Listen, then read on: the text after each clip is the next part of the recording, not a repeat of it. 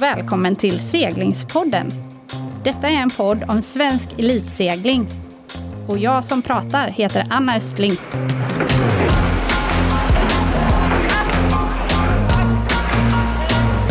Seglingspodden presenteras i samarbete med Helly Hansen.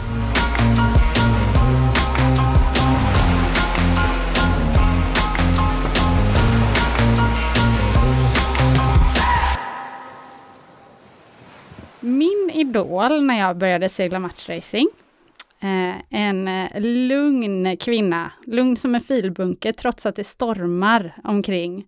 Hon vet vad hon vill och hon älskar våran sport. Teamarbete, ledarskapsutveckling och coaching i egna företaget fram tills för några år sedan. Då fick hon en fråga om att återigen ta rodret, men för en annan typ av besättning.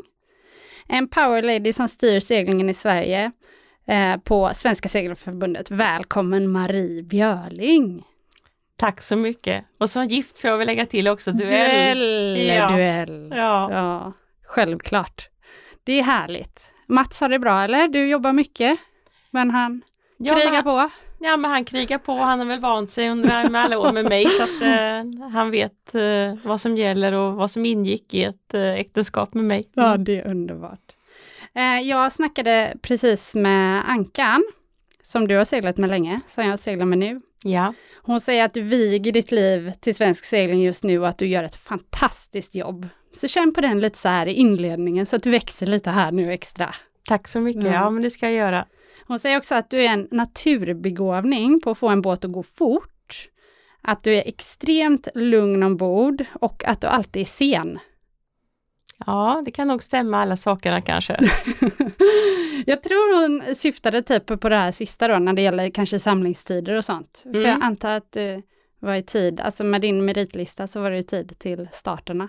Ja, men där är jag nog alltid tid faktiskt. Eh, Sen eh, är det väl, eh, jag är ganska optimistiskt lagd och det är väl det som sätter krokben för mig kanske i det här med att bli sen ibland, att jag tänker Få att jag ska hinna. allt. Ja, men det är mycket man ska hinna Men med. vi är lika du och jag Marie. Mm. Jag känner att du har nog influerat mig på många eh, delar Ja, ja, ja. i livet.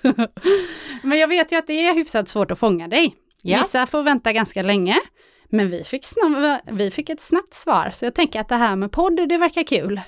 Jag tycker det är jättespännande. Jag lyssnar på en del eh, poddar själv också för att förkovra mig.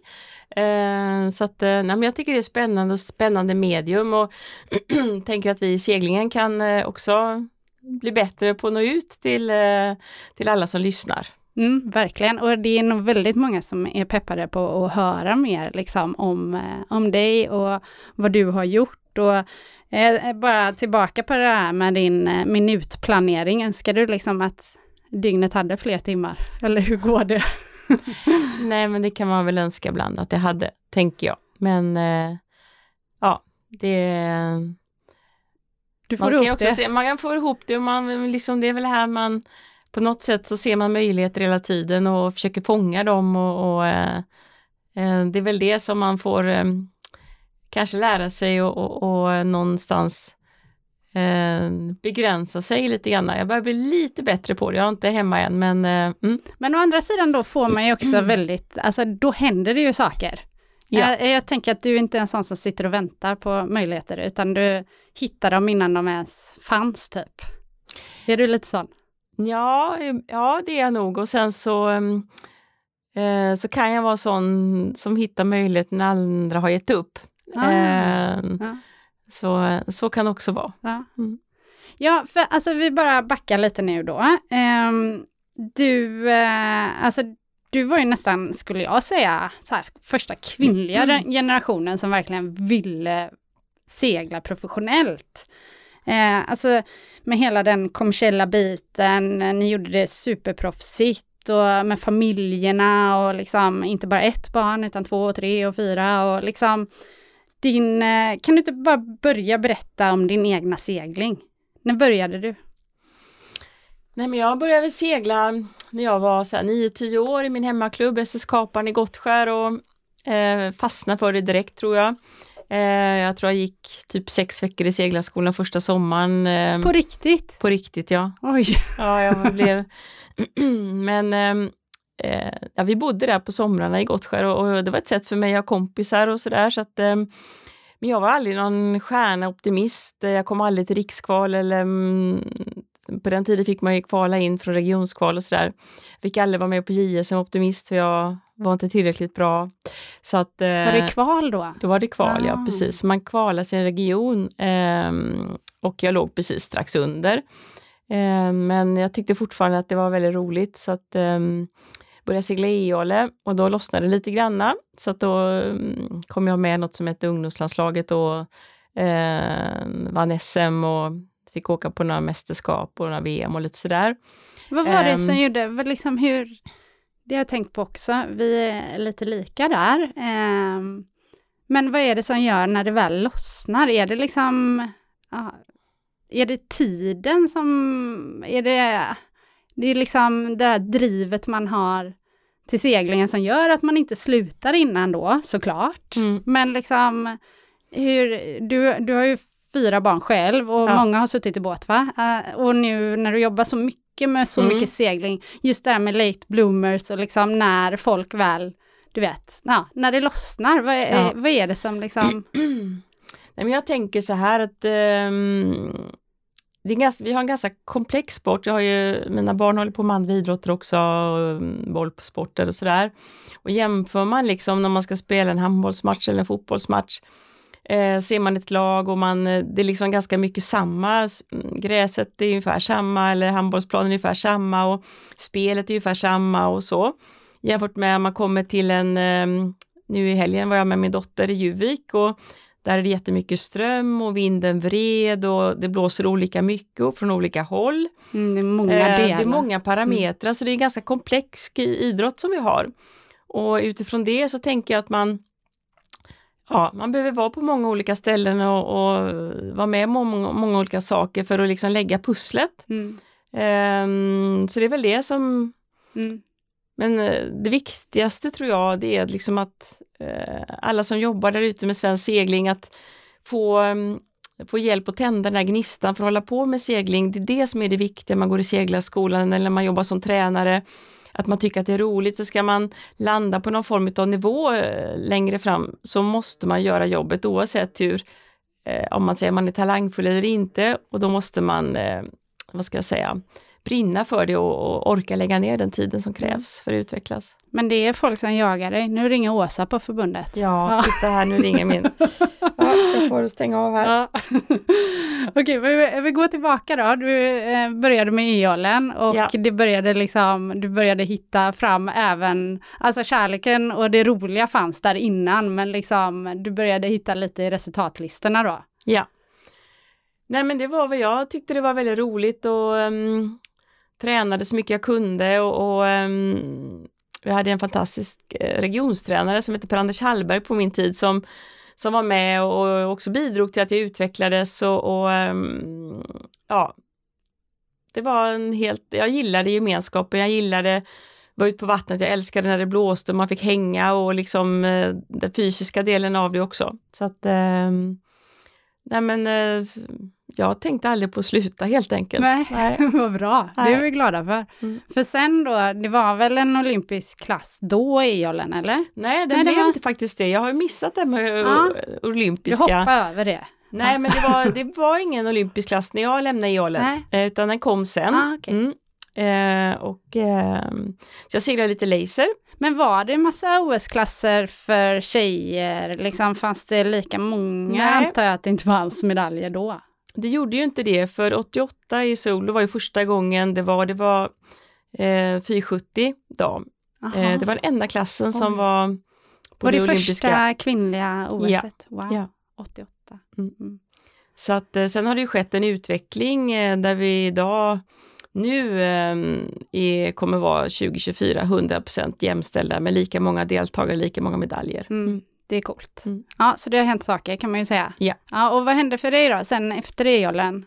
Nej, men sen började jag segla kölbåt. Eh, jag utbildade mig lite på högskolan och, och um, hittade några klasskamrater där som jag var, jag hade semesterseglat lite grann. Så vi, um, vi hyrde en Express en säsong och um, jag lärde upp dem lite grann kopplat till kappsegling och så körde vi och sen Så köpte vi oss en J24, då hade vi ett eh, EM på hemmaplan i Marstrand året därpå. Så vi tränade och redan där så hittade vi lite sponsorer och, och sådär.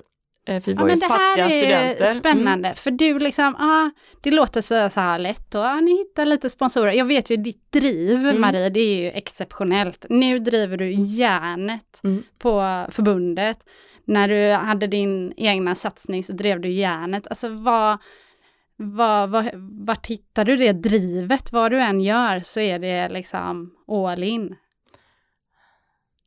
Jag vet inte, det bara finns har där. det. Ja, men det är väl olika saker som, som ligger mig varmt om hjärtat, tänker jag också, att det måste finnas den, den delen ehm, i det hela också. Men är du liksom, du är väldigt beslutsam eller? Ja, det, Ja. det är jag nog faktiskt. Eh, Jag har inte tänkt på det så, men när du säger det så, Mm. eh, Det så känns som nog att det inte är slumpen som ska avgöra hur det går för dig, utan du har bestämt dig. Nej, men jag, det kan ju vara så att jag, jag tänker väldigt bra duschen. Ja. Eh, ja. och då kan jag ju Är det där du sätter dina mål? Ja men lite Ja. så ibland. Eh, eh, vissa, vissa av dem i alla fall. Eh, och då kan jag ju tänka och visionera och lite sådär. Och sen så tror jag att mitt undermedvetna jobbar med mig Ja. eh, i det dagliga sen. Så jag kanske inte känner mig så driven som person och, och umgås man med mig så, så tänker jag kanske inte att, att jag upplevs som en streber på det sättet, i mitt sätt att vara, men de som känner mig liksom väl, de märker att det finns kanske en, en enveten Mm. karaktär. Och gnista. Ja, lite så. Ja. Mm. För du, eh, alltså jag kan ju tänka så här i mig själv, jag kan ju jobba ihjäl mig när jag brinner för någonting. Mm. och eh, något annat kan jag verkligen inte orka lyfta ett finger för. Nej, nej. Ja. Det finns kanske delar som eh, min man kanske önskar att jag visionerar kring hemma också, jag vet inte men eh, ja, Vi får ta, ta med Mats här någon vacker dag. precis. Ja. Vad roligt. Men eh, eh, hur, eh, alltså du drev ju kompetenshamnen innan Mm. du började på förbundet och Mm. det var ju ledarskapsutveckling och eh, jag tänker att du har ju nudgat dig själv under väldigt många år och förmodligen, ja, man lär ju sig saker och man Mm. lär sig kanske att ja, målen och den här visionerna faktiskt Mm. betyder något. Mm. Hur skulle du se liksom, på dig själv som ledare nu då? För nu coachar du ju inte andra ledare, utan nu är du ju ledare själv. Mm. Nej men eh, jag ser det som ett, eh, återigen ett ständigt lärande faktiskt. Ehm, I och med att det är lite som seglingen, att omständigheterna runt omkring förändras ju hela tiden, så då måste man ju förändras med den. Ehm, och jag jobbar ju med det här att jag är ju väldigt ska säga, optimistisk och, och liksom ser möjligheter och Eh, det kan jag tänka mig ibland att det kan bli lite stressande för min omgivning. Mm. Ehm, så att försöka liksom... eh, Men samtidigt sa ja. faktiskt Ankan att du är väldigt bra på att se mm, eh, människor. mm. Ja men det är nog min styrka och också när vi har, man sitter i möten eh, och sådär så sitter jag inte och mejlar och jag sitter inte med datorn uppe eller på telefonen utan jag vill ju liksom möta personen som jag har ett möte med. Mm. Eh, både om det är någon som är anställd eller om det är en partner eller eh, om det är Riksidrottsförbundet eller vem det nu är jag möter med. Mm. Mm. Ja. Mm. Jag gillar att vara i nuet liksom i det. Mm. Mm. Och eh, vi går tillbaka till din segling då. Sen blev det matchracing Ja, för hela slanten och Mm. det var ju där du har ju varit min liksom största idol. Så jävla cool och bara varit med hur länge som helst. Ni byggde ju verkligen ett starkt lag som inte till slut bara var ett lag. Ni var ju faktiskt två lag för att få allt att gå ihop. mm. Liksom vad, se tillbaka på de åren. Kan du sakna det? Ja men jag saknar det och jag saknar liksom den gemenskapen som vi hade i teamet. Eh, Ni försöker få till i den här minutplaneringen några frukostar då och då. håller, vi håller kontakten och, och vi brukar försöka äta frukost vid jultid sådär och vi har några sådana där saker som, som vi försöker få till. Eh, men eh, det är klart att i vissa perioder så umgicks man ju i teamet mer med varandra än man kanske gjorde med sin familj och så, vi, så sitter man på en, en hyfsat liten båt tillsammans många timmar i veckan så, så blir man ju väldigt tajt. Och, eh, men också det vi fick uppleva och det här att man eh, kämpar mot ett mål och och får nå det och får göra det tillsammans. Eh, det kan man också sakna lite granna. Eh, men också eh, jag älskar ju segling, inte bara tävlingssegling, jag älskar att vara på havet, jag älskar liksom den miljön och solnedgångar och allt annat Ja, det- vackert som finns. Och det var ju stunder, eh, det var ju så att vi, vi hade ju lite hjälp med ekonomin men eh, vi var fortfarande så att vi hade våra arbeten vid sidan om. Så ibland så kom man ju insladdandes liksom ett par minuter före träningspasset börja och kände sig liksom upp i varv och sådär så kom man ut och så eh, körde man några timmar på vattnet och sen när man kom in efter ett sånt pass så var man alldeles lugn eh, Mm. i kroppen på ett härligt sätt och somna gott när man kom hem så att ehm, det är mycket den biten som seglingen har gett alltså, det är ju också. en ventil kan Mm. jag känna. Ja. Och hur man bara kan glömma allt eh, som är på land när man Ja. går ut. Det är ju Ja. fantastiskt.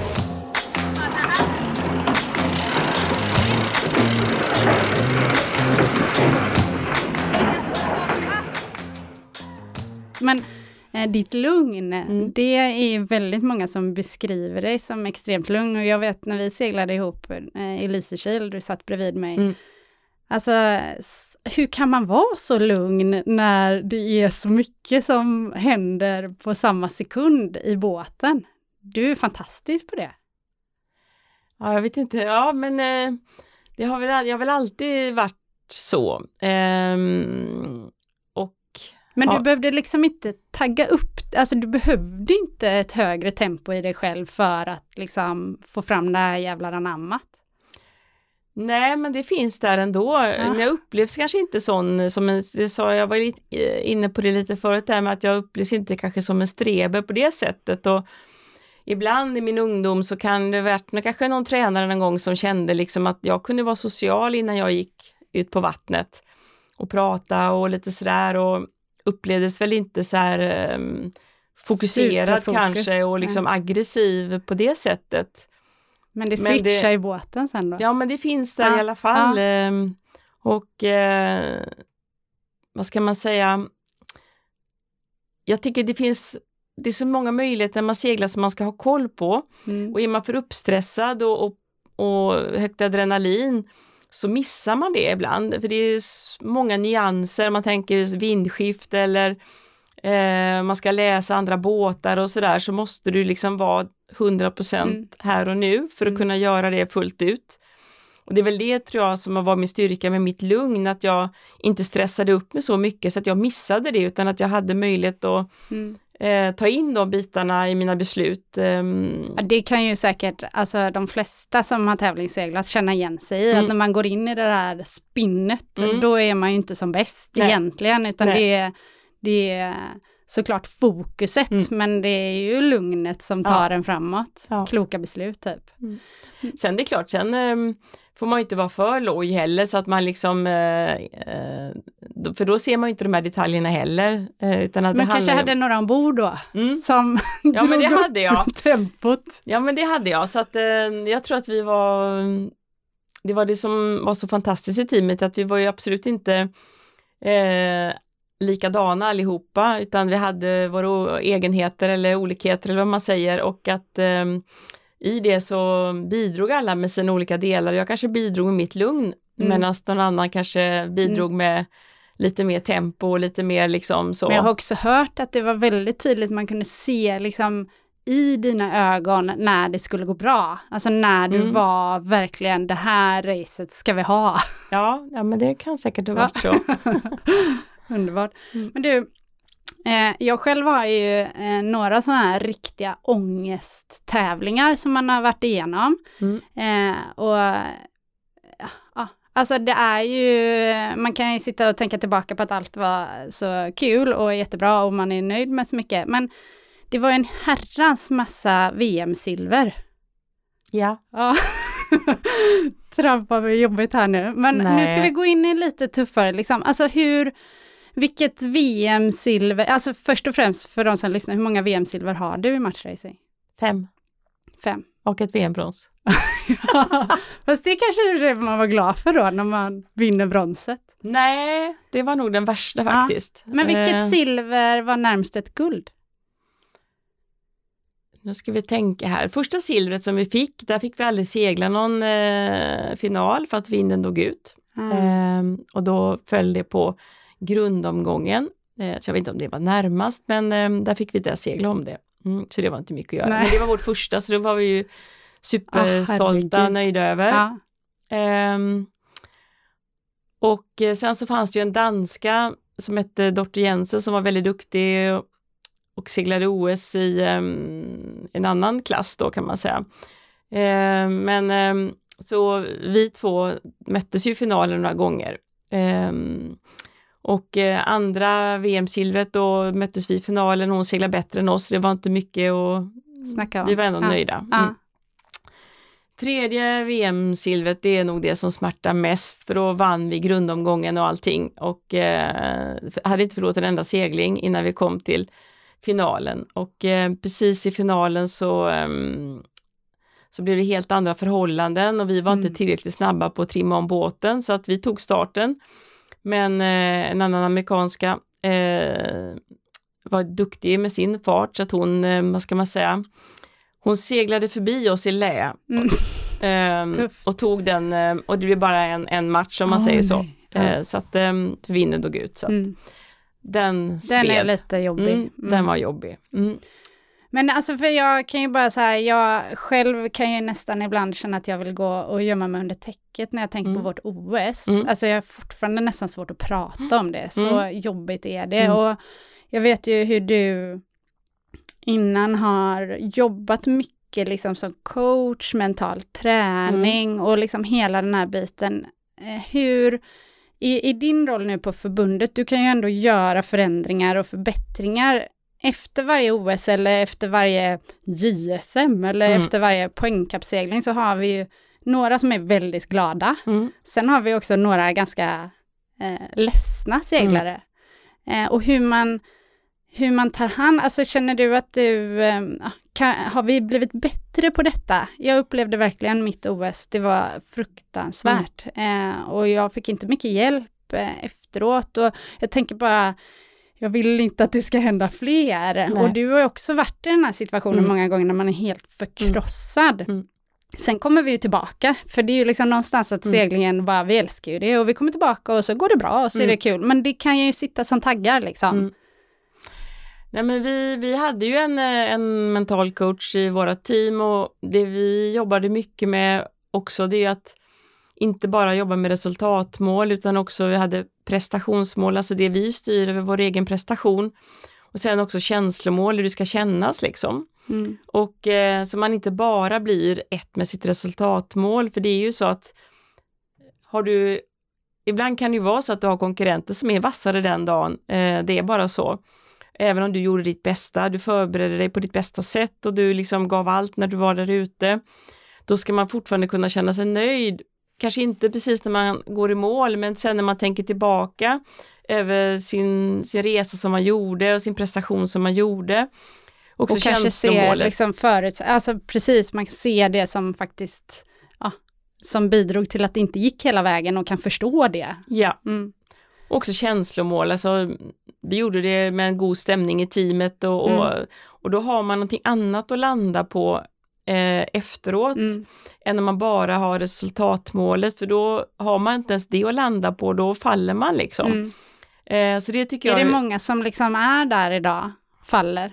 Är det därför folk slutar och liksom det är svårt i team? Har ni liksom, ja, det är svårt att svara på, men vi försöker nu att ha med i våra tränarutbildningar och så delar eh, som inte bara är liksom eh, taktik och strategi och trim utan också jobba med prestationspsykologi och de här bitarna hur man som tränare kan, kan arbeta med seglarna.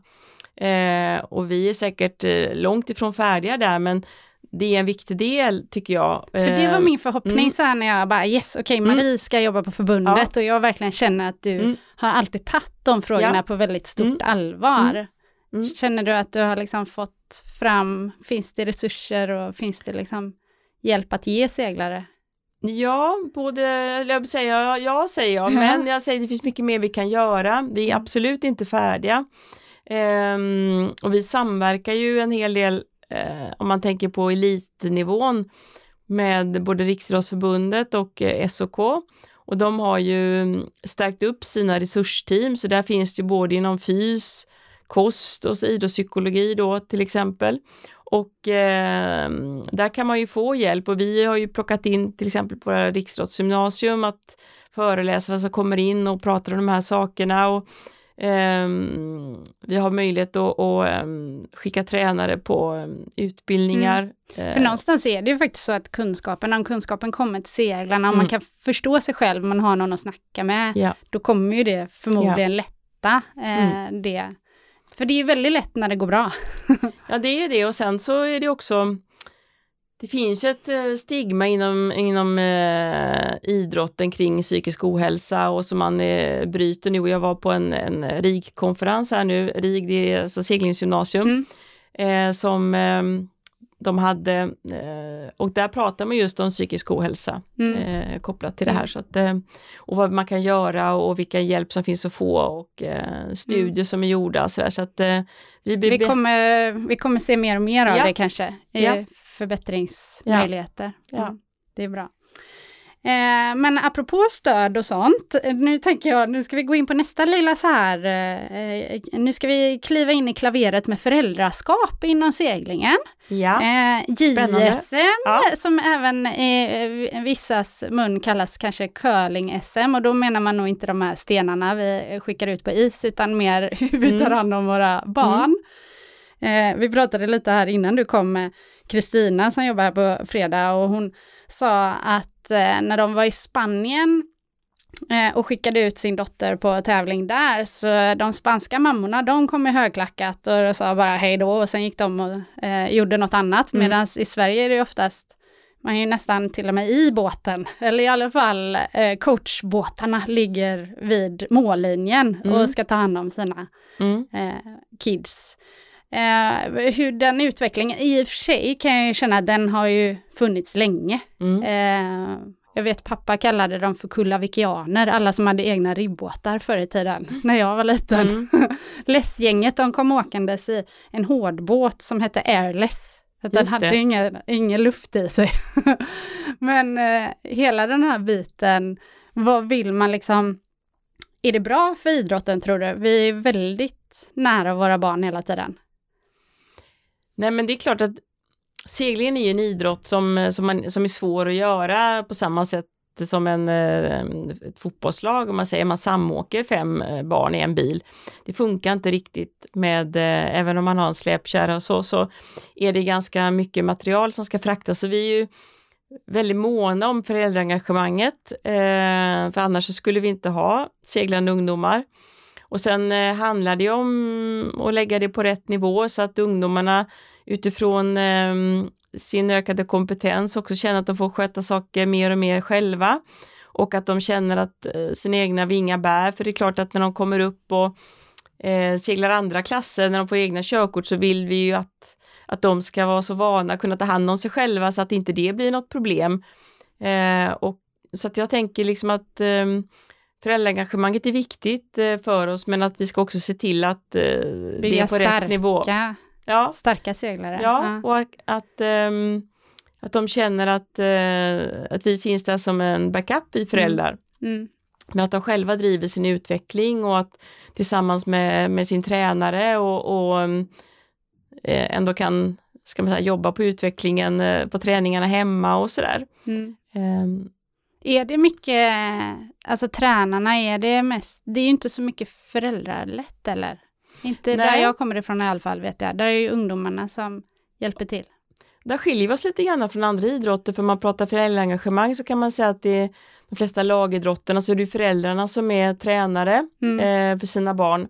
Det är det oftast inte i seglingen. Eh, det kan ju finnas föräldrar i klubbarna som har seglat mycket och som hjälper till och så, men, men ofta så har man ju liksom en yngre tränare som, som eh, med stöd utav eh, engagerade föräldrar som driver träningarna och Mm. Det är ju positivt Ja, på det ett sätt. tycker jag är grymt. Eh, just utifrån eh, från det och sen också att man att det finns en annan karriärväg inom seglingen. Om du inte tycker om att tävla själv så kan du bli riktigt duktig tränare, det har vi många exempel på. Mm.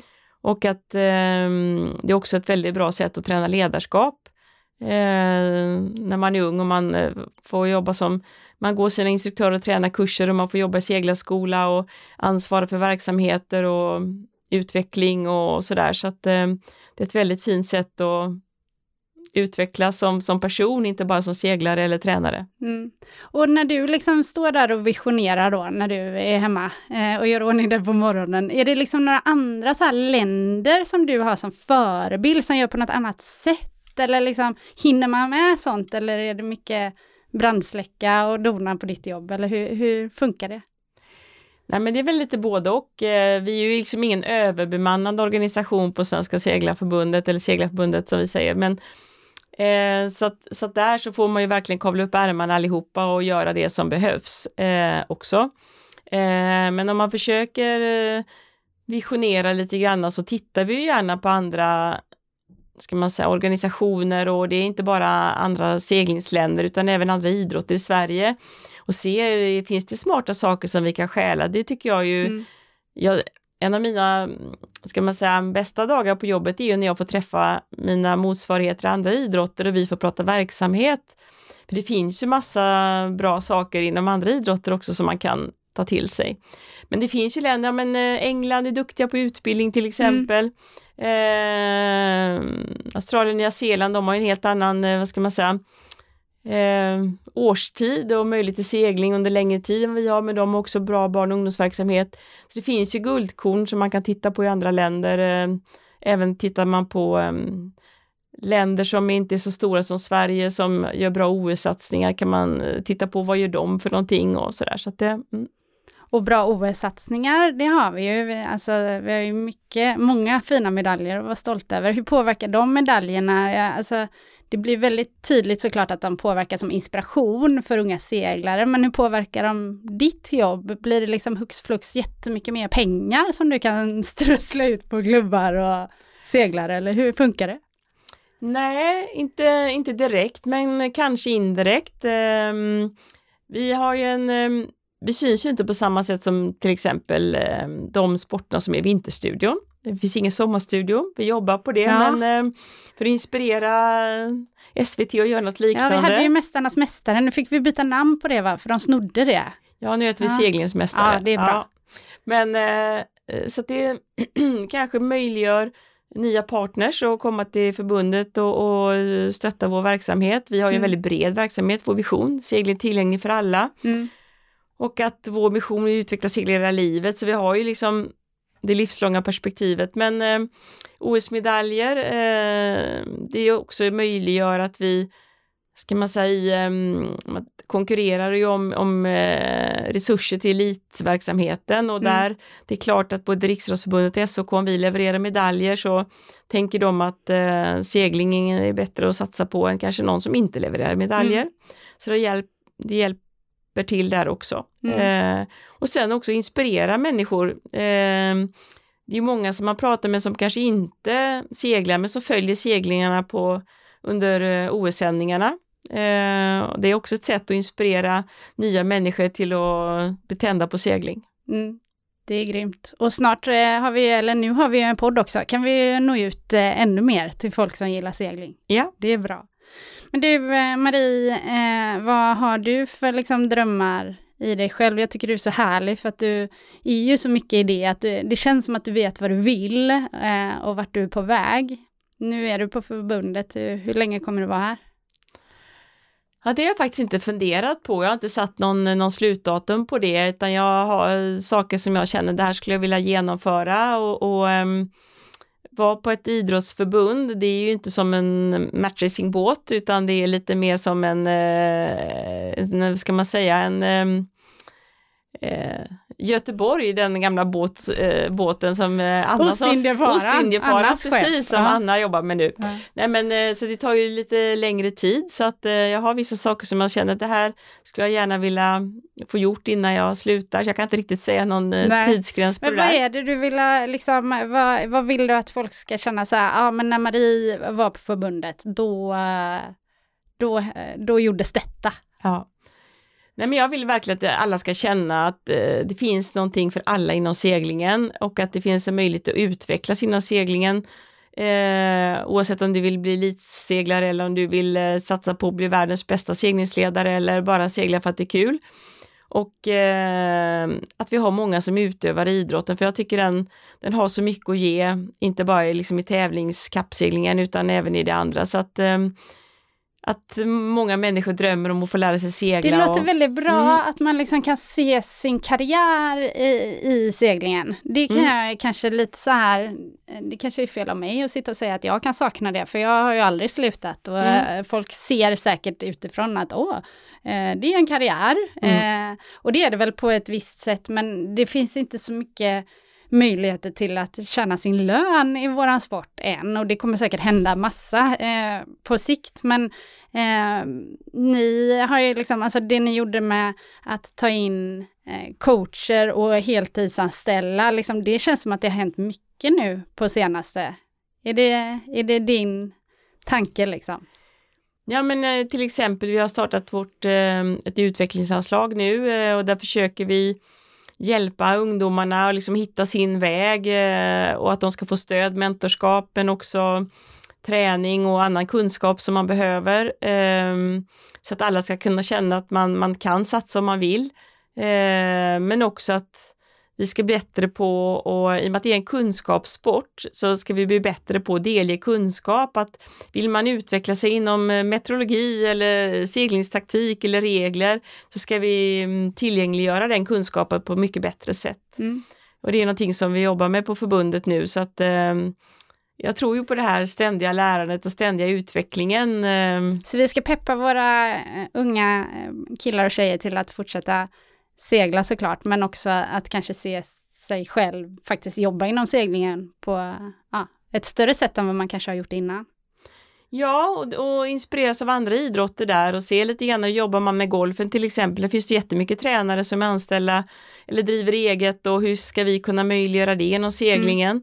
Eh, Ja, för det är ju mycket ju- mer, Mm, alltså typ i USA så jobbar de ju jättemycket med att liksom vara med på, vad ska man säga, amatörbåtar och liksom faktiskt jobba. Alltså om Mm. man tänker landslagsseglare och sådär, det är Mm. ganska lite sånt i Sverige. Mm. Att vi coachar, alltså att de, Sveriges bästa seglare coachar mm, eh, den, den liksom seglaren som är ute och seglar Mm. express. Det Mm. hade nog många tyckt var ashäftigt att få ta del av.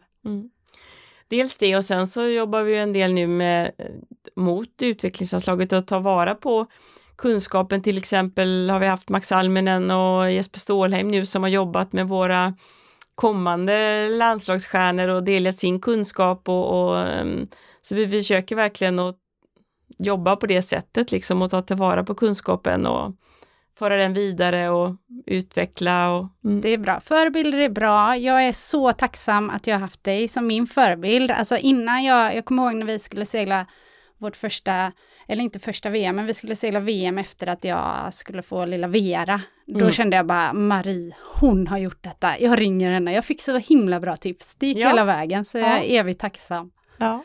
Okej, eh, Marie, innan vi släpper dig så vill vi eh, veta vem du skulle vilja bjuda in till den här podden. Vem skulle du tycka var spännande att lyssna på?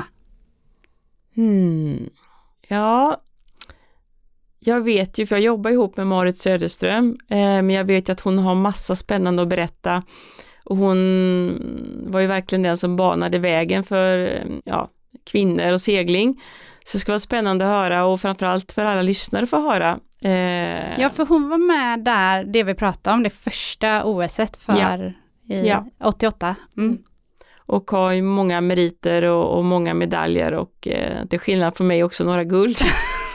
så kanske hon kan berätta hur man gör i Förlåt, sista Marie. dagen. Det var inte Nej, meningen men, att ta upp det här. Nej, men så det var spännande och sen eh, en annan tjej som jag också skulle vilja lyssna till faktiskt, det är en tjej som just nu satsar i den nya OS-klassen IQ Foil som heter Johanna Hjärtberg. Ja, Eh, vad som har fått henne att liksom göra den här satsningen och lite grann hur, hon upplever det och ehm, höra lite stories från hennes liv. Eh, och kanske det också kan inspirera några fler att göra en samma liknande satsning. ja, och det som verkligen så här, alltså jag har ju hur många frågor som helst om det där. Jag kan ju nästan ingenting om de nya klasserna. Nej. Det var en jättebra idé. Mm. Vi bokar in både Marit och Johanna. Det låter Mm. jättebra. Mm. Härligt Marie. Eh, vi är jätteglada att du kom hit. Eh, vi kommer garanterat få se dig under många år framöver på förbundet, det hoppas vi. Vi är stolta över att ha en kvinnlig ledare på Svenska Seglarförbundet. Tack Anna och tack för all eh, inspiration, alla underbara matcher vi har haft under åren och eh, tack för att jag fick komma hit. Härligt. Tack för att du har lyssnat. Hon är ändå för härlig, Marie. Och få jobba med sin passion skapar verkligen drivkraft. Det är hon ett bevis på. Hoppas ni känner som jag nu att eh, vilken klippa vi har som sportchef för svensk segling. Ha det så bra nu så hörs vi igen i nästa avsnitt.